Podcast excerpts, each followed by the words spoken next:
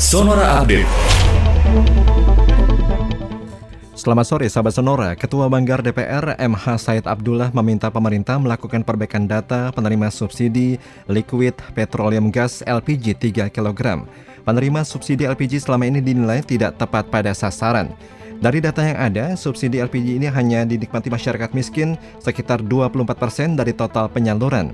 Sementara sisanya sebesar 76% justru masuk ke kantong orang kaya, para pejabat pemerintah dan anggota DPR.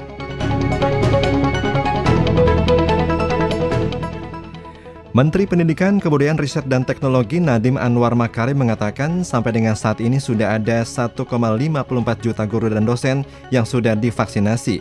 Nadiem mengatakan walaupun masih ada situasi global dengan pasokan vaksin yang sering kali terhambat, namun sampai dengan saat ini 28% dari 5,6 juta pendidik dan tenaga pendidik di Indonesia yang sudah divaksinasi. Nadiem menargetkan vaksinasi untuk guru dan tenaga pendidikan ditargetkan untuk bisa diselesaikan pada akhir Juli dan paling telat akhir Agustus mendatang.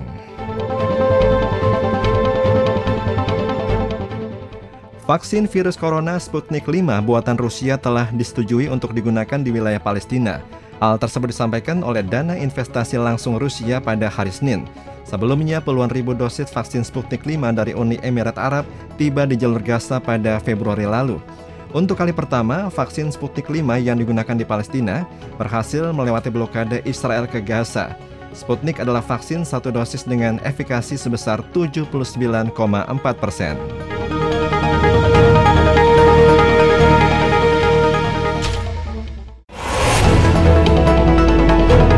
Demikian Sonora Update.